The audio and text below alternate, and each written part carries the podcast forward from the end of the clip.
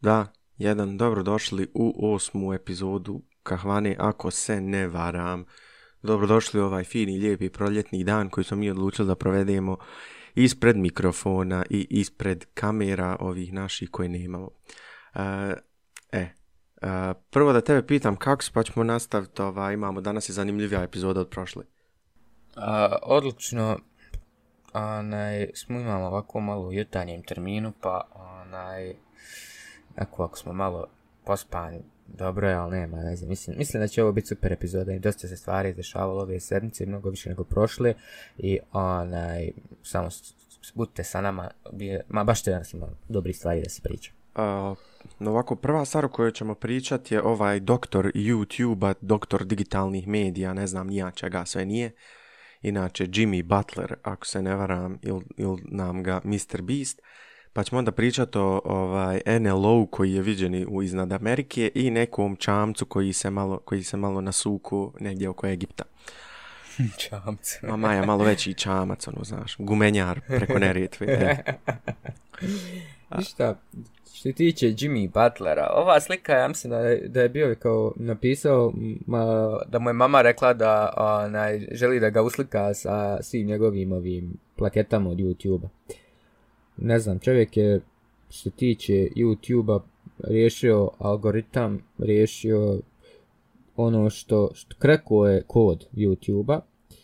I što je zanimljivo kod njega je to što on ne, ne, ne gleda znači na, na uspjeh e, tipa svojih videa i toga na način da kad, na primjer, on je često navrata rekao dvije stvari, a to je ako on potroši na primjer desetine hiljada, stotine hiljada dolara na pravljenje videa i taj e, ne svidi im se kako je taj video a njega nikad neće objaviti, iako je potrošio toliko novca. E sad, zamisli da imaš video i da ga ne objaviš iz tog razloga. Jednostavno ti ne, ne, jednostavno ne ide ti u glavu, li tako? Pa tako bi trebalo biti, ali eto ali to je taj, ali vidi, to je ta kvaliteta, to je taj kvalitet over kvantitet. I on je jednostavno to skonto, on je to shvatio i rekao je, ok, nema veze, bit će sljedeći bolji, a taj bolji će da, da bude ono što bi njegova publika gledala i kako bi to njegova publika gledala. I smatram da onaj, njegova genijalnost po pitanju YouTube-a, YouTube scene je neupitna, E, jedino što kod njega je trenutno problem, a to je što ga ljudi, šta, e, kad si previše dobar kao Jimmy, na primjer, da daješ besplatno auta, da daješ besplatno kuće, neko uvijek ima da posumnja u tebe i onaj, i, i, bilo je neka priča da je on čak i rasta zbog onog Clubhouse incidenta, onaj, ali tu je sve, znaš, e, i to je sve upitno, zato što osoba koja je, koja je to rekla mo, može, a i ne mora, znači da je bila cloud chaser po tom pitanju. Tako da, ne znam, jednostavno jako je teško govoriti nešto protiv osobe koja je donirala preko milione i milione američkih dolara ljudima kojima je potrebno, davala stanove, kuće, auta, pse, mačke, hranu, odjeću, artikle, ne znam više šta je čovjek sad nije radio. Napravio najveći vatromet, potrošio je preko 600.000 dolara na pravljenje vatrometa, tako da ja protiv, protiv i, i, i, protiv njegovog načina rada nemam apsolutno ništa reći nego genijalna stvar. Momak je kreko kod i kako ga je krekao ja sam iznenađen, čovjek je znači, ali imaju njegove, znaš, video iz prošle, godine, iz prošle godina, tipa, ja sam snimio nešto 2015. gdje sam rekao prije pet godina, eh, dok sam još bio srednje školac da ću biti neko nešto na YouTube-u, pitao, znaš, imam njegove videa, tako da mislim da eh, njegova želja za uspjehom ga je dovela ovdje i mislim da je sasvim zasluženo tu gdje jeste. Ja, šta je ovdje zanimljivo, mislim, šta, zašto zapravo danas pričamo o njemu? Ovdje na stolu ima, ne znam koliko ovdje, jedno šest ovih nagrada za milion, šest za sto hiljada, dvije za po deset miliona pretplatnika. I ova jedna, ovaj neki ko, kao kip neki koji me neki prijatelj napravio kao što je, zato što je prešao 50 miliona e, pretplatnika. Ali što je on zapravo doktor? Ti kažeš ono investirao milione, reinvestirao milione. To je stvarno tačno. On svaki dolar koji zaradi ponovo potroši u YouTube. Tako da on proizvodi strašno dobar kontent, stalno, strašno catchy kontent koji se može gledat. Toliko je dobar i popularan da čak i u Bosni i Hercegovini uspije završiti na trendingu.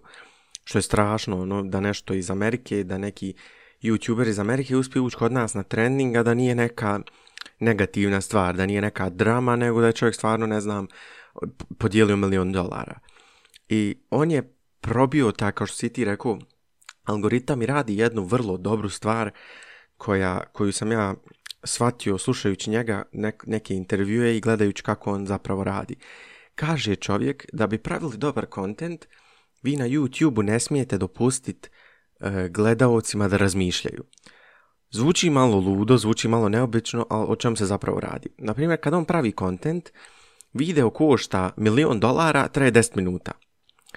A na drugu, u drugu ruku imaš ljude koji snime video koji traje pola sata i košta video 10 dolara i ništa nisu rekli nego ono samo pričaju onako i previše tog šupljeg filler kontenta, a on uzme 10 minuta te e, šamara, kako, bi ja, kako ja to volim reći. Ono, uđeš, prva stvar kad klikneš na video, on ti se dere nešto u facu.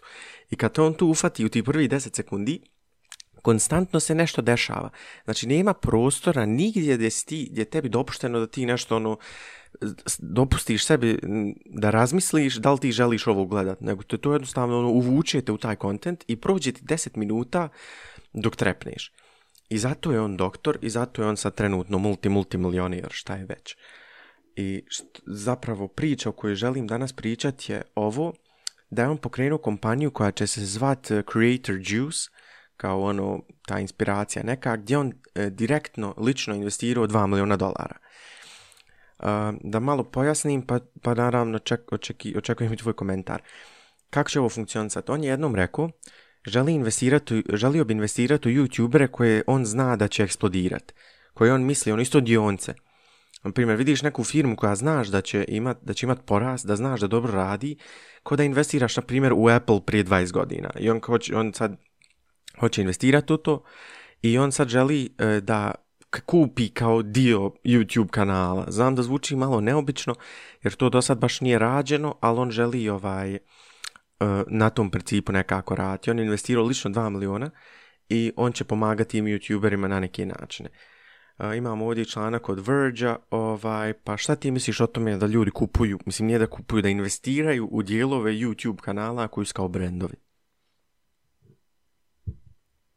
Zanimljivo. Mislim, ovo je njegova ideja o, business related e, issues, jedan kako on to sve shvata, ali vidi. Ono što je mene ovdje uh, ne toliko zabrinjavajuće, nego me zanima jednostavno kako je on planirao da, da uh, kad naš kompaniju, ta kompanija ima uh, pitch deck, na primjer niko neće otići u kompaniju investirati i reći ja želim ovdje da investiram zato što mi se sviđa njihov produkt. Većinom se tako ne radi nego imaš, odeš na VC Funds, imaš gdje ti moraš da predstaviš pitch deck, da predstaviš svoj features, da predstaviš future of your company, da predstaviš šta su sljedeći koraci, da predstaviš troškove, da predstaviš moguće profitabilne margine. I to je ono što, što na primjer, kad imaš startup i na to, kako to radi. Da li je Jim to ovdje zanemario, ne znam. ne znam baš da, da ako on misli da će taj YouTube, da, da li je njegovo znanje e, marketinga na tom nivou, pogotovo, ok, on jest doktor youtube na način da je svoje videe tako velim, eh, napravio, ali kako onda zna da će neka druga eh, kategorija na YouTube, na primjer, e, kategorija gaming, ok, kategorija, možda neka što, što nije njemu istrajna, na primjer, što nije istražio dovoljno, tipa kozmetika, beauty, taj to je veliko na YouTube-u, tutoriali, tutorial ground, to isto je tako, e, nešto što je veliko na YouTube, kako će on znati da bi ta kompanija mogla da bude nešto veliko? Odnosno, kako bi kako kompanija, nego ta osoba mogla biti nešto veliko na YouTube. E, po tom pitanju on uzima rizik, uh, ali opet mu je logičnije da to investira, ti 2 miliona investira, nego da opet ode i da kupi kuće 3, 5, 10, 15 i da opet bude samo jedan video. Ovo mu, se, ovo mu je possible return on investment. E sad, Zanima me jedna stvar, a to je e, način na koji Mr. Beast e, planira da uzima equity na kreatore. Kako? E, da li na početku, šta on njima daje na početku od toga za 5%? Znači, kako on zna koji je value tog kanala? Jer vidi, ako ja kažem nekom kanalu, halo, halo ja ću tebi da, da, da dam, ne znam, E, za 5% equity, a ja ću da ti dam nekih, ne znam, 50.000 dolara, nije bitno. Znate vi kolika je to sada value na taj sam kanal? Da li se to gleda na taj način sada?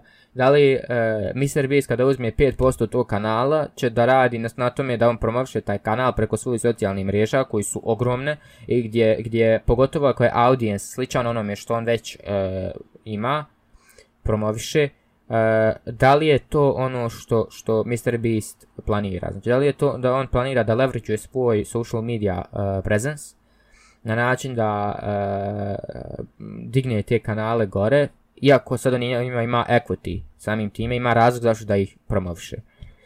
Tako da, zanimljivo, bi ovo, zanimljivo će ovo biti vidjeti kako će izaći. Zanima me samo koji kanal je, je u kojem u kojem stage će on to da investira u kanal. Čisto sumnjam da će investirati u osobe ispod 100.000 subscribera. Pa ja, Jer ako radi nešto dobro, onda bi imao više od 100.000 subscribera. Pogotovo u današnje vrijeme kad YouTube ima oko koliko milijardi korisnika. Tako da, Mm, imam osjećaj da, da e, ćemo morati da vidimo način na koji će Jimmy ovo da, da uradi, a to jeste da, da shvati način na koji ovi kanali funkcionišu, kako da im on pomogne i kako da od njih profitira. Jer njemu je ovdje cilj profiti, profitabilnost, ja mislim. Prvi cilj kompanije bi bilo profitabilnost. I on ako bude imao nekada njegove shareholdere, ako ovo nešto bude veliko, on će uvijek bi imati eh, odgovornost prema shareholderima da, da se odnosi sa kompanijom da bude što profitabilnija. On može da nam da burna cash kako hoće, ali e, a kad postane kompanija, kad je incorporated e, i ako dobije, e, dobije naravno funding drugih kompanija, drugih ljudi koji žele da imaju stake u toj kompaniji, samim time, pošto ti imaš stake u njegovoj kompaniji koja se naziva koja se naziva Juice, LTD for example, ti, e, na primjer, sada neka druga kompanija može imati equity na tog kreatora. I sada, ako ja imam equity na tog kreatora, ja dobijam nešto od tog kreatora, iako je to indirektno preko proksija. u slučaju će biti juice. juice. Tako da, zanimljivo je ovo dosta. E, do, dosta neistraženo tržište i zanimljivo je to da, da, se, da se počinje gledati na svaki biznis kao na stock market. Jedino što, što me zanima, šta bi bilo kada bi... E, tako bila neka osoba koja bi se tako uključila u ostale forme e, internet sadržaja, na primjer, e, da imamo ljude koji bi mogli da, da profitiraju od e, TikToka, na primjer, od, takvih videa, od takvog videa kontenta, da li je to uopšte moguće, zato što TikTok ni blizu ne može da ti napravi dovoljno revenue kao YouTube. Tako da, zanimljivo je, e, je approach i definitivno mislim da Jim zna šta radi i vjerujem da je on čak investor u Bitcoinima već odavno zato što on ima odavno financial advisors tako da mislim da je on trenutno na, na jako dobrom putu da to izvede. Tako da, to je otprilike moje e, mišljenje o ovoj situaciji. To, to što govori da tretiraju sve ko stok, stvarno je zanimljivo jer vidi ovo, ja sad zamišljam, na primjer, da imam kanal i hoće, dođu i hoće investirati u, men, u mene, u moj kanal. Da li bi to sad ja odnem registrujem, na primjer, LTD DO, nebitno, e, licenciram svoj kanal, kao, stavim ga kao u vlasništvo kompanije i oni kupe 10% kompanije, na primjer 5% i oni tako kupuju 5% mog kanala. Jer to, to mi nije baš ono 100% za, e, E, ne razumijem to 100% kako će to uraditi. Ovdje sa strane vidimo da ovaj, piše ovdje Reed, founder and CEO of Night Media, menadžer Mr. Beasta, onog Carla, njegovog prijatelja Prestona i tako dalje. Znači čovjek ima influencer neku agenciju koja, koja, se, koja menadžuje milionere i očito zna šta radi. I slušao sam i njega kratko gdje kaže da Mr. Beast ono, će jednog dana imat, nemam pojma, 100-500 miliona pretplatnika, to je doslovno rekao, i to neće biti samo Mr. Beast ko osoba, jedna individua, nek će to biti vjerovatno 10 kompanija gdje će jedna radit software, druga nešto consumer product, neka prodavat merch, nemam pojma, da će to biti jednostavno institucija da youtuber kakve mi ranije poznajemo ono prije 10 godina gdje sediš u svojoj sobi snimaš nešto, prepričavaš šta se danas desilo, se toliko mijenja i toliko napreduje da će jednostavno YouTube kanal ili taj medijska prisutnost biti tretirana kao firma. Gdje, na primjer, oni planiraju uzeti te manje kanale, ti kažeš 100.000 pretplatnika, ja ne znam baš kakav će im prag biti, ko će sve biti u tom boardu, ko će odlučivati o tome, ali mene brv, baš me, baš me zanima ko će biti prva osoba koju će investirati. Jer znam se, meni ne pada niko trenutno na pamet na Balkanu, XU, koga bi ja rekao, hej, on će blow upat, mislim, vidim te neke tendencije, te neke faktore, taj neki recept koji je ono zagarantiran uspjeh, kako će on njih pronaći, kako će investirati u njih, kako će ta papirologija, volio vidjeti legalne dokumente, gdje kaže, hej, ja ugovor sa Creative Juice LTD uh, i ono, prodaj se nekako, ne, ne znam to baš. Što se tiče kanala koji bi mogli da onaj, dođu do, do, ovoga, ne znam, to, to je to već neotkriveni džemovi koji će on morati da shvati kako da ih otkriju. Uh, poznavajući YouTube algoritam i to mislim da će biti poseban e, dio u toj kompaniji, ali kompanija se zove Creative Juice. Znači, bukvalno te juice, bukvalno te iscijebe. Znači, jednostavno zanima me šta oni daju kreatoru na osnovu toga što oni njega investiraju kao, kao dioncu. E, zanima me da li će oni moći prodavati equity tog e, kreatora kao dioncu. Zamisli dionce kreatora. Ja. Znaš da možeš imati u Mr. Beastu. Prvi bi kupio. Zamisli to, e pa to je sad stvar. Zamisli sada neko napravi projekat koji kaže Let's make YouTubers, let's make personal uh, stock. Let, imaš dionicu u samom personi Elon Muska. Ja, ali to je opet brand. Mr. Beast je brand, ne kupuješ Jimmy Mr. Butlera. Beast je, uh, da, ali imaš, no, vidi, ti je YouTube je brand, znaš, to je brand. Elon Musk više nije persona, on je sam brand, što niko ne govori Elon Musk kao Elon Musk. Znači, Musk je brand za sebe, čovjek ima svoj personalni brand to je fazon. Znači, čim je on imaš baš tri na, na, na uh, Twitteru, Instagramu, svim socijalnim mrežama, znači da si brand. Ne, jednostavno si ime svoje napravio u brand. I to ti je to onaj, uh, uzmeš uh, equity Mr. Beast, imaš equity u, u, Logan Paul, imaš equity u Jake, imaš uh, Paul, imaš equity u PewDiePie, imaš equity u Steam, velikim YouTuberima i onda znači, će ako prave velike svote novca, taj equity ide i tebi na neki način. E sad, Pitanje kako. Pitanje kako se te kompanije e, mogu odlučiti na takav potez da ti budeš taj koji će imati equity u nekog kreatora i da li onda dolazi do toga da oni mogu da e, upravljaju kreator, kreatorovim uh, izražajem, tipa šta on objavljuje, kako objavljuje, gdje objavljuje i, i njegovim business relationsima. Jer kad u kompaniji imaš equity, imaš nešto što ako imaš određen veći equity, ideš na nešto što se zove board board of directors. I ti pošto imaš board of directors, to su ljudi koji odlučuju o cijeloj kompaniji. I rade ono što je profitabilno za tu kompaniju. I zato kažem, bitno je, e, jednostavno, bitno je da, da e, ukapiraš e, način na koji će se to uh, rješavati. Znači, koji će način da se kreće svote novca oko toga. Tako da, mislim da je, da, je, da je to pitanje koje će oni morati da odgovori i to ćemo to saznati u rok par godina ili rok par mjeseci jer ipak ovo jako brzo napreduje. Sljedeća priča o kojoj smo pričali bila bi u stvari uh, eh, UFOs, odnosno kako je to NLO prikazan uh,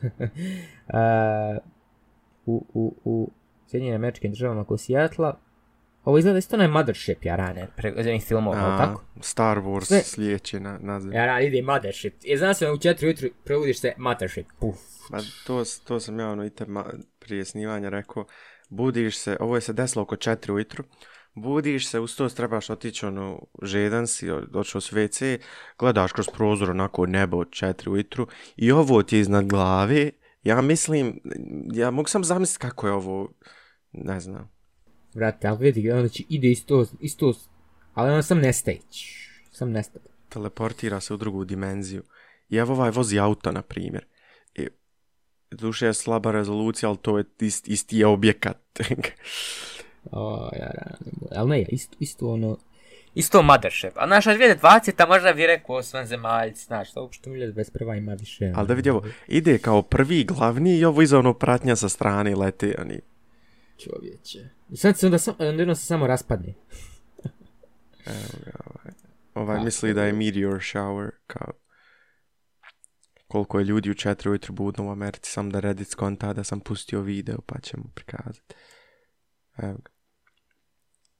I ovo je ono, kad kažu desio se neki UFO, vidjeli ljudi UFO, samo jedna osoba snimi iz jednog ugla s nekim nekom krompir kamerom ovo je više ljudi snimalo ova, i stvarno je zanimljivo. Ako ne bi ovo snimao da je vidio. Ja, I ovaj misli da su isto meteori. I ovo inače sve postavljeno na Seattle forumu subredditu gdje su se ljudi prepali ozbiljno. Evo ovaj misli da je UFO sighting. Ovaj, ne zna šta se desilo. I ovdje što vidi crvena boja nekako izgleda užasno. Sada sreća pa imaju ljudi na Twitter koji znaju šta je. Ja, i onda ja se vidio ovaj video, ima 5000 lajkova, ljudi se prepali, bla bla bla. I dole ispod kad odete imate tweet od ovog divnog gospodina koji kaže da je to uh, The Falcon 9 second stage od uh, Starlink ispaljivanja.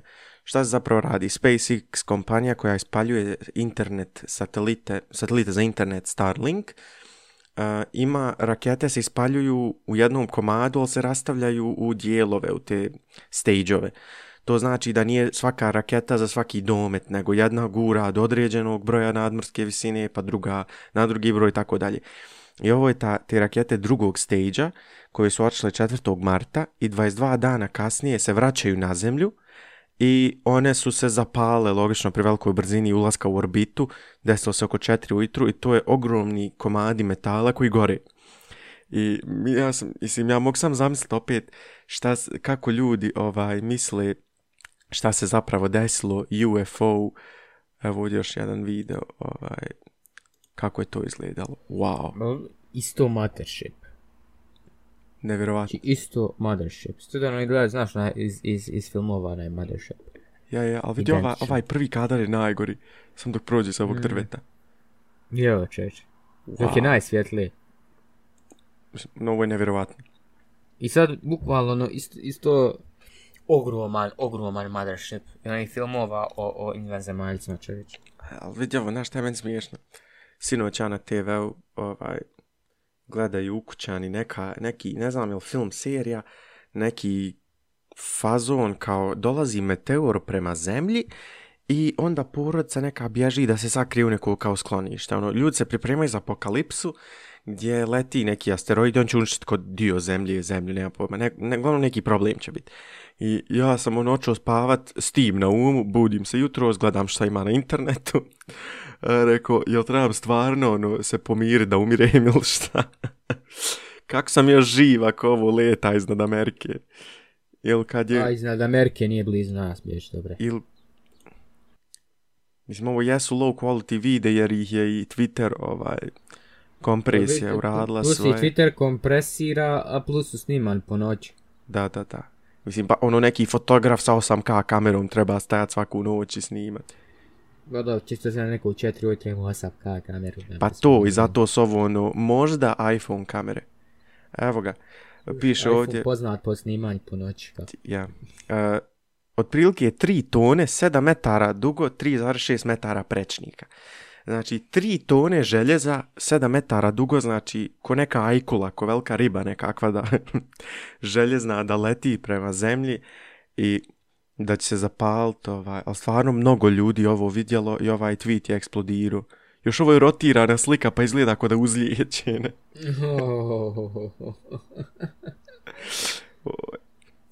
Cornelius Orr. Ma nevjerovatno. What direction it was headed? Ja, jer je snimano bukvalno od ozgu, ali izgleda isto slika, izgleda, nevjerovatno. A dobro. I znaš šta je još zanimljivije? Da niko od ljudi to nije napisao, ovaj, da, niko, da niko od ovih ljudi to zapravo nije, da nije SpaceX, na primjer, rekao, hej, vidite, desit će se nešto, bit će neki... Pa, vjerovatno se očekivali da neće baš ovoliki bit. Isto mi se to je ono što isto je SpaceX bilo kad su ljudi onaj, u, ono bijelo na nebu da je, da je Sančki bum, kako su ono ljudi misle da, je, da su napravili opet bio SpaceX igrao oko. Ali vidi, ovaj, ovaj footage je dobar, ovo uopšte nije loše. Mhm. Uh, Čovječ, ovaj baš snimao dugo. Svaka Ovi što opet nestaje, opet nestaje. Pa kako se udaljava, ali ovo je nevjerovatno. Ali čovječ, ovako kako gledaš isto tu broda ulazi iz, iz dimenzije.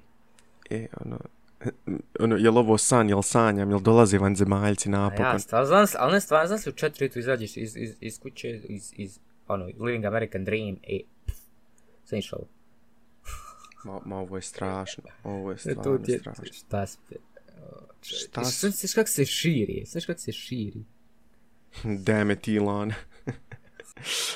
E, da imam upaljen ovaj. Kaže, I've never seen a meteor shower like this. Pa nisi ga nisi noć vidjela, ali dobro. I gledaj koliko je ovdje... Ovo je, fas, ovo je stvarno nevjerovatno. ima nas... Ja, ja, ja. Ali vidi kako izgleda nerealno, kod je sve jedan objekat ogromni što ti kažeš Starship neki, nemam pojma. Ovaj, majko šta ljudi, šta ljudi vide u četiri I zamisli, znaš šta mi još palo na pamet? Zamisli, oni eh, konzumenti eh, kanabisa u Americi u četiri ujutro sjede ovaj, pod uticajem i gledaju nebo. Oj, maj. You high, bro. e, to padim na ono Joe Rogan podcast kad oni ovaj, uzmu i počnu pričat neke gluposti. Majko moja kaže, are you high? Ja, e, high, high. You see this? Yeah, I see this, bro. Are there aliens? Duže, ovdje se slabo vidi, ovo stvarno izgleda na ovom snimku kao da je komet neki. Ma, eto, se, u, u, u, znaš šta, sve sto različite dijelovi snimano, tako da. Eto, znači, Elon nam je napravio i Meteor Shower. Pa ima nevjerovatno, mislim, stvarno. Šta je ovo, seen it from Bellevue, Wyoming, ja mislim, jel ovo? Yes, yes. Pa dobro, pa, izgleda, ovo je baš, ova bi osoba uzela, objavila sliku da je vidla UFO. Nije ovo Wyoming, ovo je Washington aha, dobro, ima smisla, moja greška, stvarno sam glup. Joaming je na drugom. I to, to u pravu si, a i to i ovaj shortcut ne piše se uopšte isto, budala sam. Ali ova osoba ovakvu uska sliku izgleda ako kovarnica i napiše UFO, UFO, Bigfoot. 5G čipovanje, evo ga. Ali ne ve koliko je ljudi tu stvar snimilo čovječe. Pa ja, i onda bi ovo bilo u redu da je 5000 ljudi ovo snimilo i kažu da su nešto vidjeli a ne ono vidi neku mrvu na nebu, neki avion i kaže eno ga, eno ga. What is this? kaže Star Wars is coming home. Steven Spielberg has is coming home. A, čovječ. Mislim, onaj George Lucas, magraš. Mhm. Ništa, onaj, pošto Možemo o Discordu i, i o tome, a možemo i o brodu Pa pričat ćemo o čamc kasnije, ali da ovo Čamc. to je čamac, bolan gumenjak, s u ukrali, pa je od Discord e, planira znači da proda, odnosno da se proda za 10 milijardi dolara. Da li je pametan potez? Upitan. Upitnik tebi. Da li je pametan potez da se stad proda kad je ono naj, naj veća gaming chat e, community. Da li je sad pametno da se proda? Znaš kako ti to ide? E, ja ne znam kakav je, kakva je vlasnička struktura Discorda. Ono, ko je, jel to jedan vlasnik? Da je to startup, founder i co-founder. Je li imao IPO, li publicly traded? Ne. Aha, onda ne, dobro. Ne, ne. Jer ja... Pa je traded, ne bi se on tako lako prodao Microsoft. Pa to, jer, znaš kako, je, kako ja to razmišljam, ja sam čitao nešto, na primjer, e, najveća, e, koga je Discord pojeo? Prije Discorda se najviše koristio TeamSpeak, koji je bio samo voice chat, gdje ti uđeš na server, platiš ga, uđeš na server, i pričaš s ljudima. Discord je već uzeo neku drugu rutu gdje je postao više društvena mreža nego što je ono samo voice call i onda su oni to tržište preuzeli i Discord zapravo mnogo košta. Održavanje Discord servera mnogo košta, ono, njih, kompaniju košta, pogotovo što možeš imati uslovno rečeno free server za prijatelje. E, e Microsoft se širi ko korona, e, i onda oni su kupili u zadnje vrijeme, mislim u zadnje vrijeme, u zadnjih 5, ne, pet plus godina, LinkedIn i GitHub, što su bile ogromne akvizicije, ono, milijarde. Tako da, meni uopšte ne čini mi se e, ne čini mi se nelogično, nemoguće da oni kupe ovaj još jednu kompaniju, ako razumiješ. Microsoft latest acquisitions, onaj, jes, tu je bio LinkedIn, e, bio je, on su, znači, što se tiče Microsofta, znači imam evo na Wikipediji list of mergers and acquisition od Microsofta i oni su znači uradili akvizicija od 1900, on su počeli akvizirati od 1987. Znači, baš tako da onaj 2005. Znači, jednostavno, njima nije nepoznata akvizicija, znači Skype 2011. akvizirali. To je bilo znači ogromno. Onda su Mojang e, za, za Minecraft onda su onda su napravili akviziciju, inkviziciju e, napravili akviziciju GitHuba, uh, Swift Key Virtual Keyboard, ona, ona aplikacija, Xamarin za, za mobilni development koji dan danas radi, LinkedIn 2016. godine, e, zatim VR, dosta u VR su imali prostora, uh, šta ja više, GitHub 2018. E ta je, mislim, akvizicija bila oko 7 milijardi. 7,5 milijardi dolara je ta akvizicija bila. Pokušali su TikTok akvizirati 2020. godine. I ta je, e, to je naravno e, akvizicija onako poštenski propala, zato što je bilo puno većih e, aktora po tom pitanju. E, pokušali su akvizirati čak i za 7, opet za 7,5 milijardi su pokušali akvizirati e, Zenimax. To ti je za igrice tipa developer Dooma, Quakea i toga. Tako da, mm, oni što akviziraju ima logike, poprilično. Tako da, GitHub negdje se ne uklapa ovo njihovo, jednostavno zato što GitHub je ne GitHub, uh, Discord. Uh, nije se ni GitHub do dušu uklapu, nisi imao nikakav developer tools osim Xamarina i, i, i Visual Studio koda koji su vam pravili, ali bitna stvar ovdje reći je ta da uh, i Twitch je akviziciju imao od Amazona. I napravljeno je trenutno da bude vrijedan 300, 100, koliko već milijardi dolara. A to što je injection koji mu je dao Amazon bio taj koji ga je doveo na to blockchain. Što se tiče Discorda, eh, što tiče Discorda, eh, ljudi su smatrali kad je GitHub eh, prodan Microsoftu da će to uništiti platformu. Ali, šta se desilo? Desilo se potpuno suprotno. Desilo se to da je platforma zaživjela na, na, na nivou, zato što su ukinuli prijašnji pricing prije si morao imati, na primjer, e, account na GitHubu za, za da bi uh, account da mogu imati privatne uh, repozitorije. I onda je to bio first selling point za Bitbucket, koji je kompetitor bi GitHubu, i onda je došao Microsoft rekao, na, na, na, mi mi na naš način, a to će biti, imate sad free, za taj free plan su extendali maksimalno, koliko su mogle, dok je pricing plan stvari nešto za, za timove, tipa kompanije, da on to plaćaju. Tako da free developer ne moraju apsolutno ništa da plaćaju. Dolazi, dolazimo do tog načina zašto, zašto, baš sad Discord?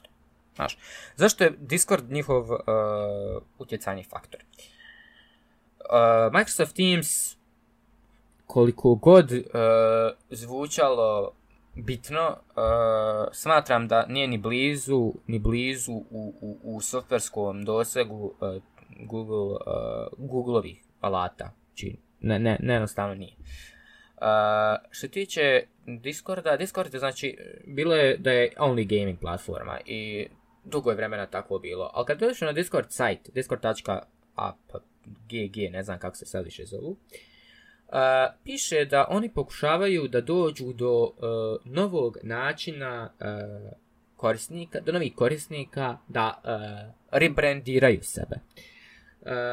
Kako oni tačno to žele da urade?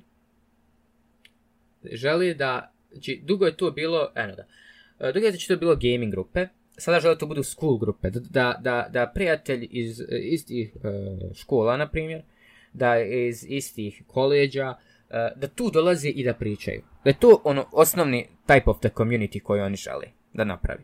I tu su napravili. Dosta, dosta ljudi ima Discord account. I što tiče Discorda, znači je napravljeno Discord in, in, in, in jednostavno u tom spaceu. I mi trenutno snimamo, uh, trenutno mi šovaš preko Discorda. Tako da, Discord je napravio tu inicijaciju novog, e, novog svijeta, e, novog svijeta komunikacije, Eh, napravio je da to nešto radi na način na koji trenutno radi i napravio rebranding sad. E sad, zašto Microsoft baš? Zato što su jedni među rijetkima koji mogu dati 10 milijardi dolara za neki startup. Prva stvar. Eh, ali ako Discord ne ode, na primjer, eh, na, na, na IPO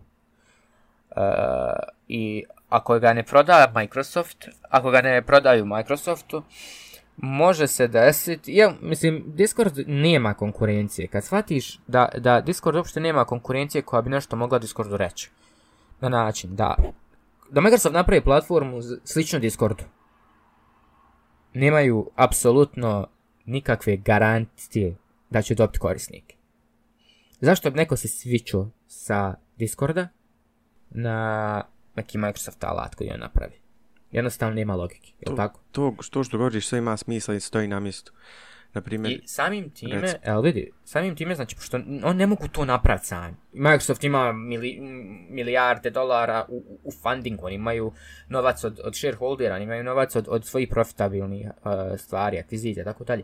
Ali oni ne mogu napraviti nešto što će u takvoj mjeri da privuče korisnike što Discord radi već godinama.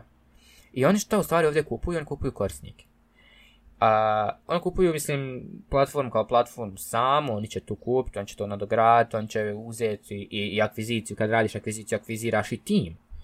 jes možda da će, ga, da će smanjiti tim, a možda će ga i povećati, ne, znamo koji će biti uslovi te akvizicije. ali definitivno Microsoft ima način da ih kupi, ali nema način da napravi nešto svoje na ovaj način zato što ne može da dobije taj korisničku grupu, a korisnici su ti koji stvari donose novac. Plus što je Discord napravio pricing sa Nitrom, što je rekao više to, ok, imamo mi free opcije, ali imamo i paid options. Paid options, ako želiš da tvoj server ima gifove ove one, ako želiš da tvoj server ima onaj Nitro Boost, ako ima ovo, ako ima ono. I to je bitno, to je, nešto što, što je jako bitno u ovom svemu. I mislim da to je ekstra urađeno od strane Discord ekipe, je neki pricing related things. To što govoriš, što je sve na mjestu, pogotovo to što je Discord ogroman community, ja mislim da ne postoji niko u digitalnom svijetu koji ne da ne zna, nego da ne koristi Discord na neki način. U početcima neke e, online komunikacije bio je MSN, to smo ranije pričali prije 20 godina, onda je osnovan Skype. I Microsoft je vidio Skype kao dobru priliku, kupio je Skype i ugasio MSN i ostao je samo Skype. Skype je danas propo, mislim nije propo, nego skoro ga niko ne koristi, ko baš ne mora. I to je razumljivo. Ja nikad nisam bio neki ljubitelj Skype-a zbog nekih njegovih audio uh, kako se načina koji prenosi zvuk mi se nikad nije dopadao i kako pojačava gla, tonove, nebitno. Ja mislim da oni vide Discord kao predobru priliku da je propusti. Oni su kupili e, Mojang, tačnije Minecraft, zato što su vidjeli da ima financijskog smisla. Kupili su SwiftKey jer ima financijskog smisla. Također GitHub je kupljen jer su vidjeli da je to ogroman community IT ljudi i još ću ga, što ti kažeš, unaprijedili, pošto ga ja ne koristim, tako da to mi je drago za čud da su uspjeli nešto unaprijediti. I kad su kupili u zadnje vrijeme LinkedIn, LinkedIn je postao ono drastično korištenija društvena mreža i postoje više društvena mreža ono gdje ljudi pišu svašta nego originalno LinkedIn, ali to su neki plusevi minusi širenja. Šta ja mislim da oni žele s Discordom? Uh, ja mislim da oni žele uh, Teams novi, nego on žele jednostavno ovaj gaming community sebi da uzmu i to ima smisla da, da ova akvizicija. Njima, njima 10 milijardi što ti kažeš nije nešto, ono iskaširat će ga i ovako i onako. Ja nisam mogu vjerovati da su oni imali već preko 80 akvizicija što javno, što nejavno i onda sam dole pročitao da imaju, ne znam, milijardu udionica AT&T-a, ne znam, pa 5 milijuna u nekoj drugoj, ako nije Comcast ili nešto, 5 milijardi u Comcastu, nešto tako slično. Znači milijarde u tim infrastrukturama i oni žele... 150 milijuna u Apple. Ja. Znači, oni žele udio tih novih kompanija. Ja mislim, ako oni kupe Discord, oni ne žele da sebi konkurišu u Teamsu, nego jednostavno da imaju gaming community. Discord je, što sam dobro primijetio, što smo dobro primijetili, je se malo rebrando u zadnjih godinu dana, gdje on želi ovaj school community da se druži na Discordu, da provode vrijeme tu, da, da troše jednostavno servere. I mi, ako Discord pristane, mislim da mogu izvući čak i više para od 10 milijardi ako žele.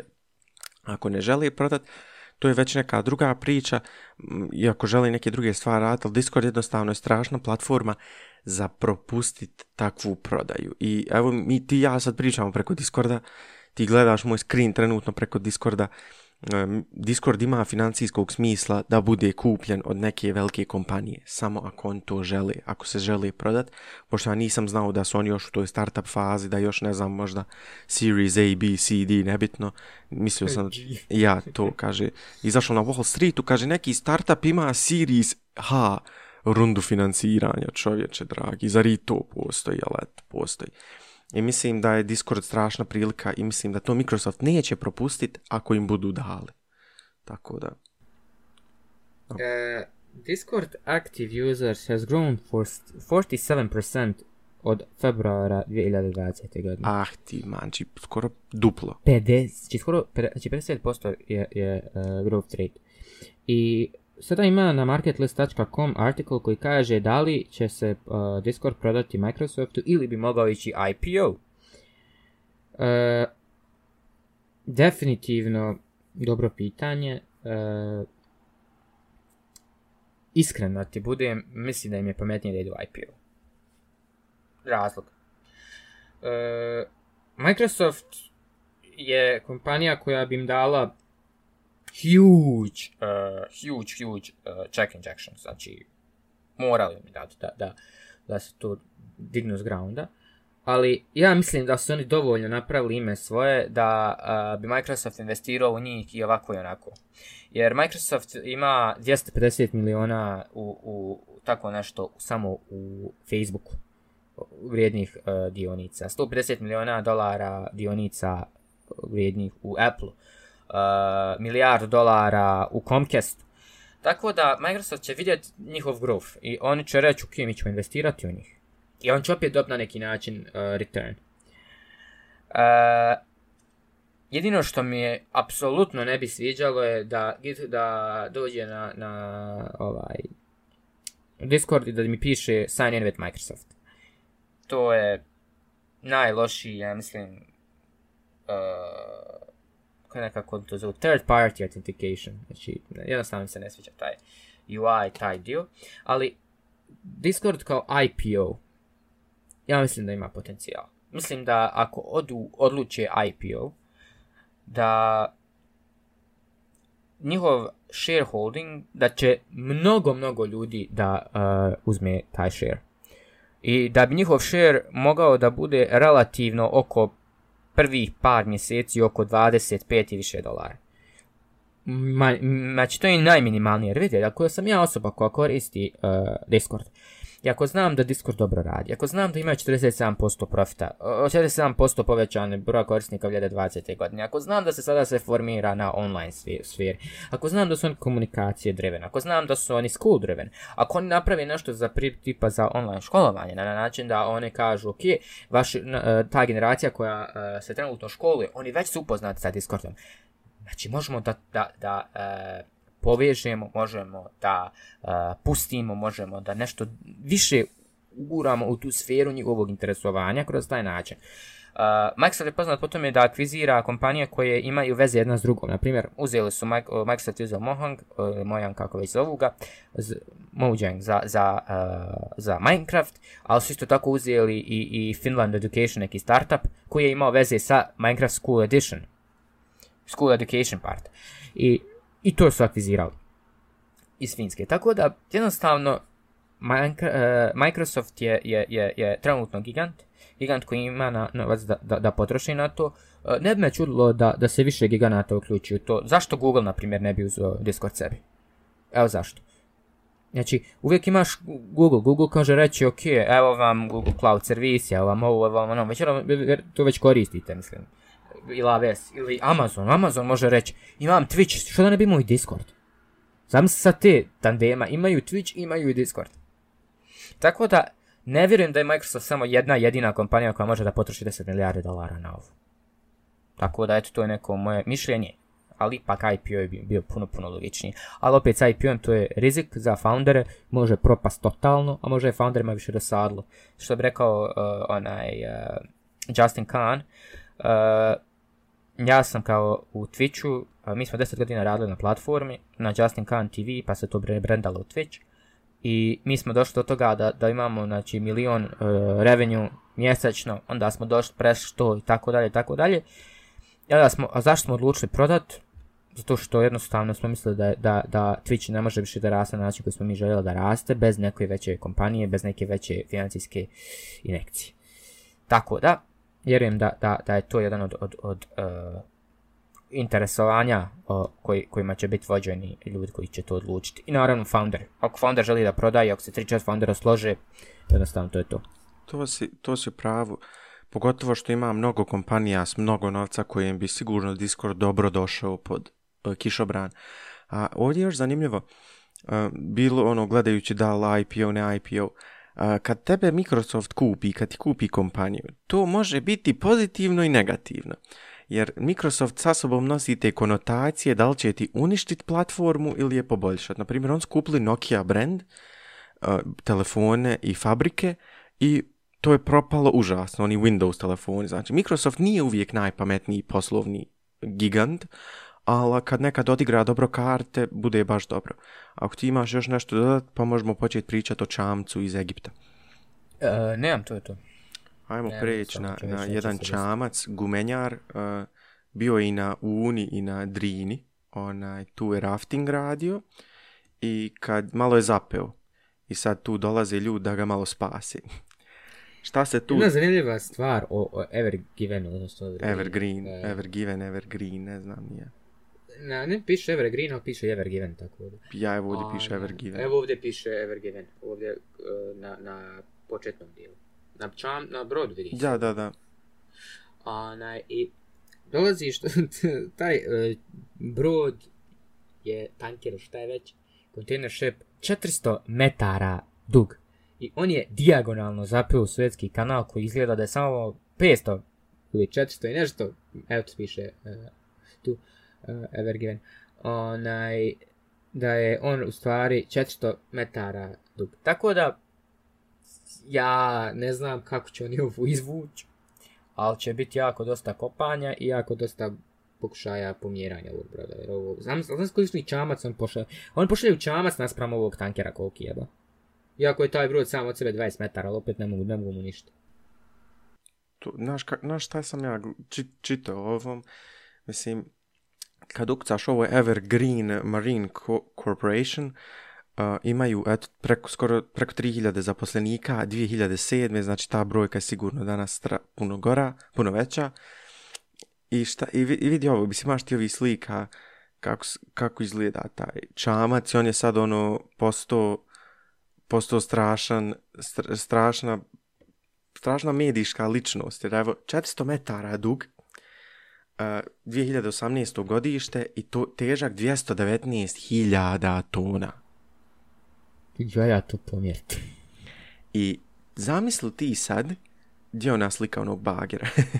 I ona slika malog bagera kojeg su dovukli. Ukcaj Evergreen meme. Sad ćemo vidjeti šta ima na Google. Mem. Meme. Mimi. Ali evo ovdje... Mislim ovdje je slabo Uh, eh, ali šta je point Evo ga, evo ga, evo ga, evo ga, uh, buy with uh, dig, outward, ne, ne, ne, ne, uh, evo ga, buy with, ne, eto tu. Yeah, the crushing despair of everything from past year, you're doing your best. Ali šta se ovdje dešava, za nekako je taj, taj vrli kapetan uspio dijagonalno podkopat, nasukat brod u Suetskom kanalu, što je meni ovaj fascinantno ehm, da je uspio stručnjak to uraditi. Vjetar to uradio. Da kaže vjetar to uspio. Jest, jest. Kad vjetar pomjeri 319.000 tona, nek se i meni javi. Ali najjače, znači oni dadnu onaj najmanji mogući bager. Ja, ja ne razumijem. Pa vidi, ovaj bager može srušiti kuću bez problema. Samo je ovo malo veći problem. Evo ovdje ovi snimci zraka. Kaže, Vio, ima e, kaže, mim kao, svi smo mi u životu zeznuli, ali nismo zeznuli toliko da se naša greška vidi sve svemira. Pa to, jer vidi, evo i ova slika. zamisli sad, mi smo ovom pričali, zamisli ti sad došao, prošao si ovdje Adenski zaljev, prošao si Jemen i Etiopiju, Eritreju i dolaziš do situacije gdje tebi oni tvoj, ne znam, ti si došao ovdje, znači skoro si na Mediteranskom moru, znači vidiš ga zamalo i neki stručnjak zakopa svoj čamac tu, sad taj svoj brodić. I ti sad, da bi došao, u, na primjer, do Turske, trebaš zaobići 15.000 milja. Znači, ja ne znam koliko je to mjeseci, jer brodovi ne lete baš. I, meni nije jasno, mene zanima samo, na primjer, imam pet brodova tu ove kompanije koji, imaju, koji se bave preko okeanskim transportom su ono milijarde i milijarde dolara u pitanju. Ti sad imaš pet brodova tu puni robe, roba kasni, ljudi kasni, imaš li goriva gdje je gorivo? Hoćeš li ti sad odlučiti da trebaš poslat pet brodova po 15.000 milja ili ćeš i ti poslat što sam ja mislio da će on poslat privatni stručnjake, platit ljudima u Egiptu, evo vam koliko hoćete miliona, sam ga goni, skloni ga, e, rastavi ga rastavi ga, zapali ga, istopi ga, znači samo ga goni, jer, jer, jer imamo toliki problem da, da, ne možemo, ovaj, da nemamo izbora i i, i vidiš ima ovdje odmah brod. Znači, zamisli gledaš čovjeka ispred sebe kako nasuka brod. Zamisli da si ti ovaj čovjek ovdje i gledaš ga kako, kako, kako ti uništi pare. Ovo Ja ne znam stvarno kako se planirati ovo izvući, ali ono piše kao prvo digger kao bager pokušano znači da izvuče uh, brod na neki način, onda tugboat za vuču pokušavaju da ga izvuku, onda dolazi uh, sand and silt removed, onda pokušavaju da izbace pijesak ispod njega, i onda će pokušati kranom da ga pre, kranom da ga premjesti. Nije ovo je istovar ono kao da počnu skidat s njega. Ako Aha, treba da ne... počnu skidati onda da bude valjda onaj lakši. Ali čovječe, znaš koliko bi trajalo da oni da oni njega olakšaju. Ja, ja, ja pretpostavljam neko će, neko će ovdje s ovim bagerčićima kopati a neko će tegl s remorkerima. Jer to je tolika kriza, ja se mogu klet da ni, da ono imaš buban 50 brodova ovih preko okeanskih milijarda. Kako može sam ga raznijeti? ono, dobijaš poziv, ono, hello, I am from Taiwan, I own 27 ships, can you blow that one up, please? Ali znaš što je zanimljivo, ba?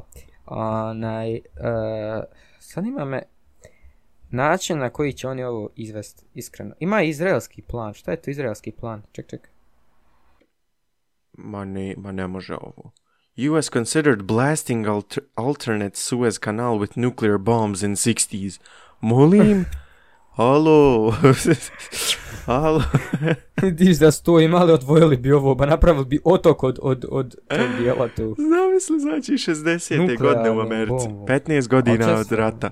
15 godina od rata u Americi. Bom. A čekaj, šta ćeš nuklearnom bombom tu raznijeti? Pa neće, neš ga razdvojiti, jer ćeš napraviti radioaktivno područje u Europi. Sreća što je bila samo ideja. Sreća puš se. Znaš šta to najjače, ono, kaže, u onim filmama, kaže, šta bi mogli, ide, kaže, meteor, hajmo ga nuklearnom bombom raznijeti. Ide ovo, hajmo ga nuklearnom bombom. Zemljotres, hajmo ploče rastaviti nuklearnom. Obroj bolan.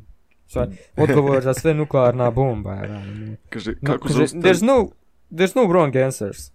Kaže, ali uvijek, but there's always one right. Kaže, ne idem mi u životu, hajmo nuklearnom bombom raznijeti. Pa daj čovječe više. Ono, šalje, zove kapetana preko onih preko radio, preko ni, to, kak se zove oni, radio talasa, e, kapetane, šta misliš da vi odete s tog broda, imam ja neku raketu koja ide tu, možda ima nuklearni na, onaj, bojevu glavu, možda, pa je bolje da vi odete. To je sam čisto jače da raznese brod. Maja, da nas napravi rupu u brodu, sam ono, prerežu brod. Puf, ja, ja, sad ćemo mi proširiti taj kanal tu, sam vi siđite s tog broda, ovaj, ali evo ti video, evo slika kako to izgleda s druge strane gdje ovaj Evergreen zapio, dole ispod.